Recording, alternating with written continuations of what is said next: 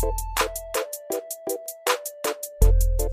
hører på en podkast fra Customer Trends. Vi deler viten og innsikt om kundeservice. Se mer på vår hjemmeside customertrends.no.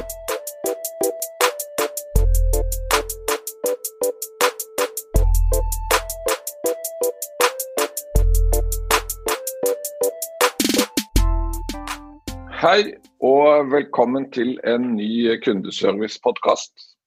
Mitt navn er Bjarte Lysand fra Customer Trends. Dagens tema det er outsourcing fra et eh, kundeperspektiv. Og Da er det en glede for meg å ønske velkommen eh, dagens gjest, som er Heidi Ystad fra Rikstv. Velkommen, Heidi. Tusen takk for det. Hvordan står det til med deg i dag? Det står fint til. Sitter på hjemmekontoret mitt og jobber som eh, vanlig i disse tider. Så Ja. her er alt fint. Skulle vi startet med å høre litt om deg, Heidi, og om eh, Rikstv? Ja, det kan vi godt gjøre. Eh, Jeg har jobba i Rikstv i seks år nå. Starta i 2014 som forretningsutvikler for kundeserviceteamet i Rikstv. Eh, Rikstv er jo et norsk, norsk TV-distributør som har rundt 100 ansatte, altså ansatte på kontoret. Eh, Men vi har jo veldig mange partnere som vi jobber med. Der kundesenteret vårt er jo en av disse partnerne som er outsourca, og som faktisk har flere ansatte enn det vi har på hovedkontoret vårt. Og så er jo Rikstv 13 år, eh, vært i markedet siden 2007. Og jeg er kanskje en litt sånn lillebror i bransjen, spesielt nå som eh, flere av de andre TV-distributørene har slått seg sammen eller blitt kjøpt opp av noe større. Og det er jo en posisjon som både kan være utfordrende, men som også kan gi mange muligheter, syns vi, da. Riks-TV har jo mange forskjellige typer kunder, og siden TV-bransjen er en bransje i ganske stor endring, så har vi også hatt et behov for å fornye oss og endre litt på måten vi jobber på de siste åra. Så tidligere så hadde vi jo først og fremst bare tradisjonelle antennekunder, typisk hyttemarked. Mange, altså vi spilte mye på det her med å, å ha dekning over hele landet. Og så har vi sett nå at det er ikke nok å bare rette oss mot uh, TV flere steder og hyttemarked. Vi må også ha flere ben å stå på dersom vi skal greie å overleve i en såpass tøff bransje som det TV-bransjen er, med alt som har kommet av strømmetjenester. Så nå de siste par åra så har vi satsa ganske mye på både på fibermarkedet med forskjellige fiberpartnere, men også på et uh, nytt produkt som heter for Stream, som er en ren strømmetjeneste. Så sammen med antennemarkedet, og der vi har den store kundemassen fra før av, så har vi også to andre satsingsområder som vi bruker mye av tiden vår på nå, da. Og det gjør jo også at kundesenteret vårt må sørge for å holde seg oppdatert og ha kompetanse om mange, mer, eller mange flere forskjellige ting enn det de tidligere har måttet hatt. Da. Det høres eh, komplisert ut, men kunne du sagt noe om hvilke henvendelser man, man mottar i kundeservice? Ja, absolutt. Det er jo sånn at uh, brorparten av de henvendelsene vi får til kundesenteret, er jo tekniske henvendelser. Uh, ikke nødvendigvis fordi at det er noe som ikke fungerer, men kanskje fordi at det er ting kunden ikke forstår. Uh, så kundebehandlerne våre bruker mye tid på å veilede kundene gjennom enten det er TV-boksen, eller om det er noe med antennen, eller rett og slett bare for å gi kundene informasjon som de da ikke får på andre måter av en eller annen grunn. Og så har vi jo også en kundemasse som er godt voksen, kan man si. Så mange av kundene som tar kontakt med oss, har behov for litt ekstra tid og litt sånn pedagogiske evner hos kundebarna våre. Og for oss så har det vært viktig å, å gi kunden den tiden de trenger da, for å få løst uh, henvendelsen sin, og ikke haste oss gjennom de henvendelsene som vi får.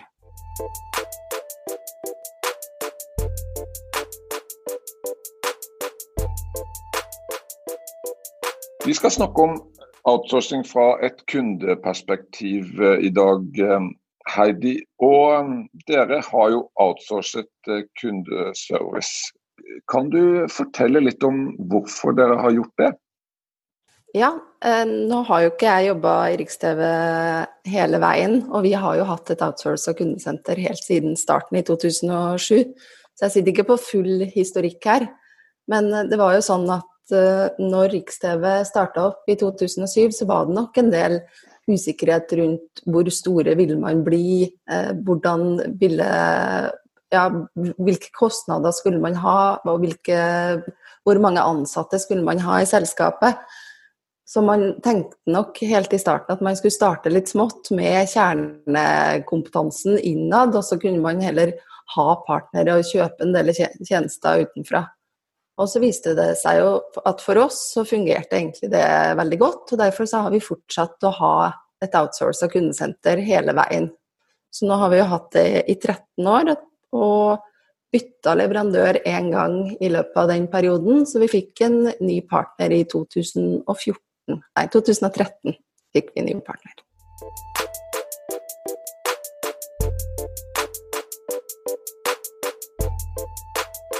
Heidi, mitt eh, andre spørsmål eh, det lyder hva skal til for at outsourcing skal fungere bra? Her er det nok flere svar på det spørsmålet, men det første som jeg egentlig har lyst til å snakke om her, er jo tillit. Vi har eh, hele tiden vært veldig bevisst på at vi skal ikke ha en kundeserviceleverandør, vi skal ha en kundeservicepartner. Og det som jeg legger i forskjellen mellom de to begrepene, er jo at hvis du har en leverandør, så har du en forventning om å få levert en tjeneste eller et eller annet. Øh, mens hvis du har en partner, så er det en sånn gjensidig forpliktelse i det. Det er i hvert fall det som jeg legger i det, da. Og det syns jeg vi har fått til ganske bra med den partneren som vi har i dag, fordi vi har ganske stor tillit til hverandre. Vi har lite problemer med å løfte det hvis det oppstår et eller annet som vi må løse. Uansett alvorlighetsgrad, egentlig. Eh, jeg er ofte på tråden med han som er leder for kundesenteret vårt i Fredrikstad. Enten det er stort eller lite. Og vi greier alltid å komme ut av det med begge beina planta på jorda. Og hvis vi ikke hadde hatt et partnerskap, og hvis vi ikke hadde hatt en ordentlig tillit til hverandre, så tror jeg ikke vi hadde fått det på samme måte. Og så er det klart at noen ganger så diskuterer vi ganske heftig, og det er ikke alt vi er enige om. Men det er jo noe av det som er fint med å ha den tilliten mellom oss, er jo nettopp det at det gir rom for å ta de her diskusjonene som er litt vanskelige også. Og det er nettopp det som kan gjøre at vi blir enda bedre og får et enda bedre partnerskap. Og ja, fortsette å ha et godt samarbeid som, som, vi har i dag, da. Så det er nok det aller viktigste. Det å ha eh, gjensidig respekt og tillit til hverandre. Men så er det jo også sånn at det alene tror jeg ikke skaper de beste kundeopplevelsene, fordi at vi er nødt til å ha en avtale i bunnen. Vi har mange kunder som skal få hjelp. De vi har mange henvendelser i løpet av en uke, og det er viktig å ha et avtaleverk i bunn som legger til rette for at vi har den leveransen mellom oss som vi ønsker å ha, da. Når jeg starta i Riks-TV for seks år siden, så hadde vi en avtale som i stor grad var basert på effektivitet, eh, samtaletid. Og det var ikke det at samtalene nødvendigvis skulle være så kort som mulig, men de skulle være effektive, og man hadde en forventning til at en samtale skulle vare i så og så mange sekunder. Og i, et, uh, i en avtale så tenker jeg at det er nok noe som kanskje er fornuftig, men i praksis for en kundebehandler som sitter og håndterer henvendelser hele dagen, så er det ganske stressende å måtte forholde seg til 450 sekunder Eh, og kanskje få en prikking på skulderen hvis du bruker lengre tid enn det. Så når vi skulle reforhandle avtalen mellom oss i 2018, så var noe av det viktigste vi gjorde da, var å fjerne det fokuset på samtaletid. Når jeg sier det, så mener jeg egentlig ikke at man skal ha så lange samtaler som mulig. At det skal ikke være fri flyt, og man skal ikke ikke se på samtaletid. Men det er ikke det som skal være det viktigste. Så det som har blitt det viktigste i avtalen mellom oss og vår kundeservicepartner, er i stedet løst til første kontakt og kundetilfredshet etter at kunden har vært i, i kontakt med oss. Og det kjennes i hvert fall veldig, veldig mye bedre i magen min. Og det har også gitt ganske gode resultater i det drøye året som har gått siden vi inngikk en reforhandla avtale. Det er veldig spennende med denne avtalen. Kunne du sagt noe om eh, de viktigste elementene i avtalen? Det er egentlig ganske enkelt. fordi det vi gjør i dag, er at vi betaler vår kundeservicepartner for det det koster å drive et kundesenter. Altså alle faste variable kostnader som de har for å drive kundesenteret for oss. Og så I tillegg til det, så har jo de da mulighet til å opptjene en bonus.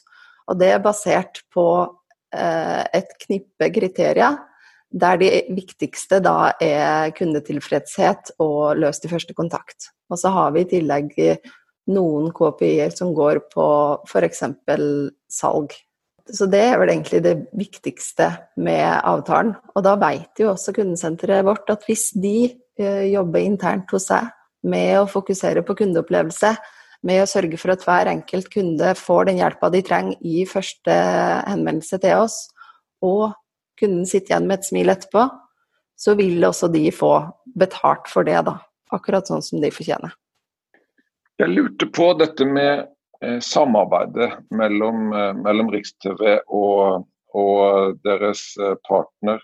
Kunne du sagt noe om eh, samarbeidsstrukturen eller møtene på ulike nivå? Før jeg snakker om møter, så har jeg egentlig lyst til å slå, slå et slag for uh, Slack som kommunikasjonskanal. Jeg tror det har åpna samarbeidet og dialogen mellom oss og kundesenteret ganske mye, egentlig, etter at vi starta med det. Fordi kundesenteret vårt sitter jo i Fredrikstad. De er over 100 ansatte. Der de i varierende grad er i kontakt med oss i Riks-TV gjennom, eh, gjennom, en eh, arbeidsdag. Og så sitter vi i Oslo og passer på vår jobb, og det er kanskje lett å glemme kundesenteret litt oppi det hele. Men etter at vi starta med å bruke Slack som en kommunikasjonskanal, så har det blitt veldig mye lettere både for oss i Riks-TV å spørre kundesenteret om noe hvis vi trenger et raskt svar f.eks. Men også for kundesenteret å spørre Riks-TV dersom de kommer opp med en vanskelig kundesak eller har andre ting som de lurer på, som de trenger hjelp til. Og det er jo egentlig en kanal som kan brukes på alle nivåer i organisasjonen. Så både kundebarner og ansvarlig for oppdraget i Fredrikstad bruker jo det som en kanal som gjør at samarbeidet mellom oss blir bedre, i hvert fall, enn det har vært uh, tidligere. I, I, tillegg til det så har vi også noe som heter for KS-web, der vi legger ut all informasjon som uh, kundesenteret vårt uh, trenger, sånn at de skal kunne være i forkant dersom det kommer kundehenvendelser om et eller annet som vi sender ut eller gjør som påvirker kunden. Og I tillegg til det så har vi jo også en rekke møter som er faste. Eller en rekke Vi har en del faste møter, men vi prøver å ikke ha for mye møter også. Så vi har et ukemøte hver uke der eh, jeg og en del fra mitt team som har ansvaret for kundeservice, pluss noen som jobber med salg, møter en del av lederne på kundesenteret for å snakke om hva var det som skjedde i forrige uke, og bør vi endre på noe for å gjøre det enda bedre den uka som kommer nå.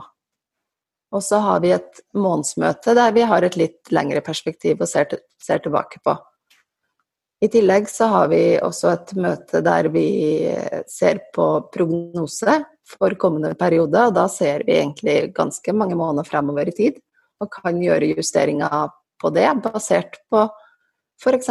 hvis det kommer et fotball-EM, som det ikke gjør i år, da, men som det kunne gjort, så vil jo det kunne påvirke hvor mange som må kontakte oss i Riks-TV, fordi det er mange som har lyst til å, å se det på TV. Eh, og så trenger jo kundesenteret vårt å vite hvor mange folk eh, de skal ha på jobb, om de må rekruttere, og hvor mange som kan ta ferie samtidig. Men bortsett fra det så har vi ikke så veldig mange faste møter. Men vi uh, inviterer jevnlig folk fra Riks-TV til å komme til kundesenteret og kjøre det som vi kaller for Voice of Customer. Og da kan man fra Riks-TV komme med et spesifikt tema, eller bare med et åpent sinn. Og så møter man kundebehandlere fra kundesenteret vårt og kan diskutere forskjellige ting og få bedre innsikt i hvorfor kundene våre tar kontakt. Og så kan de fra Riks-TV ta det med seg tilbake til Økeren, der vi har kontor, og bruke den innsikten i sine prioriteringer og sitt arbeid videre. Du var inne på det med kompetanse. Kunne du fortelle litt mer om hvordan dere bygger kompetanse på de som sitter i kundefront? Egentlig så har jo kundesenteret vårt mye av ansvaret sjøl for å bygge kompetansen til våre kundebehandlere. Og så er vi som jobber i Riks-TV, en støtte og bidrar absolutt når det er behov. Spesielt hvis det er nye ting som kommer som skal ut til kunde, så er det gjerne noen fra Riks-TV som drar ned til Fredrikstad og holder opplæring og hjelper kundesenteret med å få rutiner og ny informasjon knytta til det nye som skal ut, eh, inn i rutinesettet til kundesenteret. Men i det daglige så har de sjøl et ansvar for å sørge for at uh, sine ansatte og kundebehandlere har den kompetansen som de trenger for å kunne gjøre en god jobb for Riks-TV. Og her kunne nok vi ha vært mye mer på og mye mer til stede og holdt i mye mer opplæring. Men vi har egentlig bare gode erfaringer med å gi kundesenteret den tilliten som de trenger da, for å kunne gjøre den jobben sjøl. Og så har vi noe som heter for eh, KS-web, som jeg nevnte i stad, der vi har all informasjon og alle rutiner som en kundebehandler trenger for å kunne gjøre jobben sin. Og den har jo blitt altså den har kommet til live som et samarbeid egentlig mellom Riks-TV og kundesenteret, der vi holdt mye i utviklinga av den rutinewebben Men så fort den var utvikla, så overtok kundesenteret vårt egentlig eierskapet til å drifte den rutineweben videre. Og vi tror jo det er veldig, veldig viktig for eh, kundesenteret at de skal ha et ordentlig eierskap til å levere et godt produkt for Riks-TV. Og det tror vi at de får ved å faktisk få myndighet til å holde i en del ting sjøl. Og så vet jo de at vi er tilgjengelige, og vi hjelper dem hvis de har behov for det. Og så som ny kundebehandler i Riks-TV, så må du gjennom et opplæringsprogram på to uker, der du egentlig sitter på skolebenken og lærer det du trenger å lære. Og så får du lov til å teste deg litt på telefonen innimellom i løpet av de to ukene. Og etter det så er du egentlig ute i drift, men under kontinuerlig oppfølging, egentlig, de første um, par månedene som kundebehandler. Vi hadde jo faktisk et kull som var ferdig opplært helt i starten av mars, som gikk rett fra å være helt nyopplært til å gå på hjemmekontor. Og det å sitte på hjemmekontor som uh, helt fersk kundebehandler, det tror jeg nok har vært en, en reise, for å si det sånn. Så det er utrolig Jeg syns det er utrolig kult og veldig stolt av de, den gjengen som har gjennomført det. Når det oppstår eh, avvik eller uenighet, hvordan løser man det når man har outsourcet eh, kundeservice? Ja, nå er det jo mange ting som kan oppstå, og noe av det som heldigvis ikke oppstår så veldig ofte, men som kan skje, er jo at det skjer et driftsavvik som rammer veldig mange forskjellige kunder og akkurat der syns jeg egentlig at vi er ganske gode. Eller spesielt så syns jeg at kundesenteret er gode. For de er flinke til å varsle Riks-TV raskt dersom det skjer noen ting. Og de varsler via de riktige kanalene. Eh, de varsler Vi har noe som heter for bakvakt, som egentlig er en, ja, en vaktordning som skal være på hele døgnet i tilfelle noe skjer. Og så varsler de i tillegg på, på Slack, da, som eh, vi bruker, som jeg nevnte tidligere. Og så er de raske på å komme med informasjonen ut på Facebook og på IVR dersom det skjer noe. Eh, sånn at man får roa ned køen egentlig så fort som mulig. Eh, og så er vi i Riks-TV ganske flinke til å informere kundesenteret tilbake etter hvert som vi får løst eh, det som eventuelt skulle oppstå.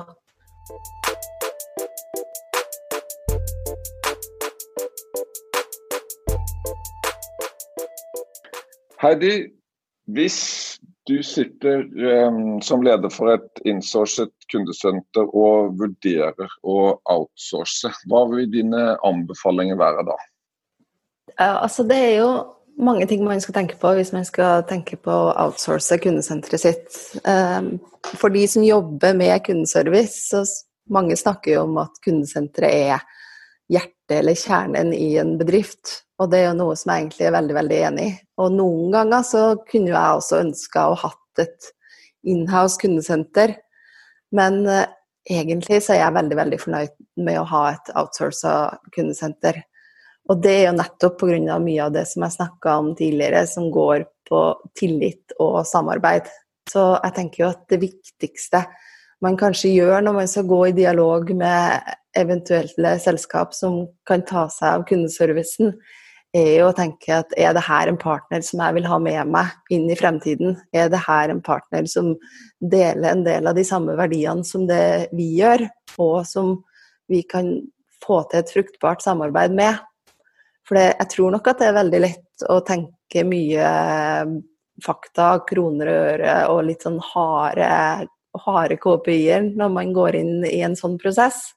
Men jeg vil faktisk også fremheve viktigheten av å tenke litt med hjertet også. Fordi kundesenteret er en så viktig del av et selskap, og det er en så viktig del Og det, det kommer det fortsatt til å være uansett uh, hva som skjer på robotfronten, skal jeg til å si.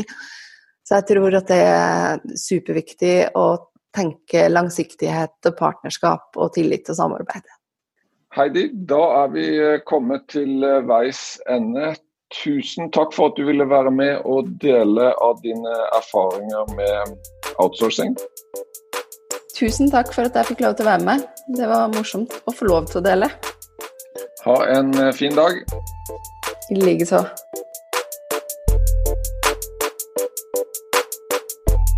Du har hørt en podkast fra Customer Trends.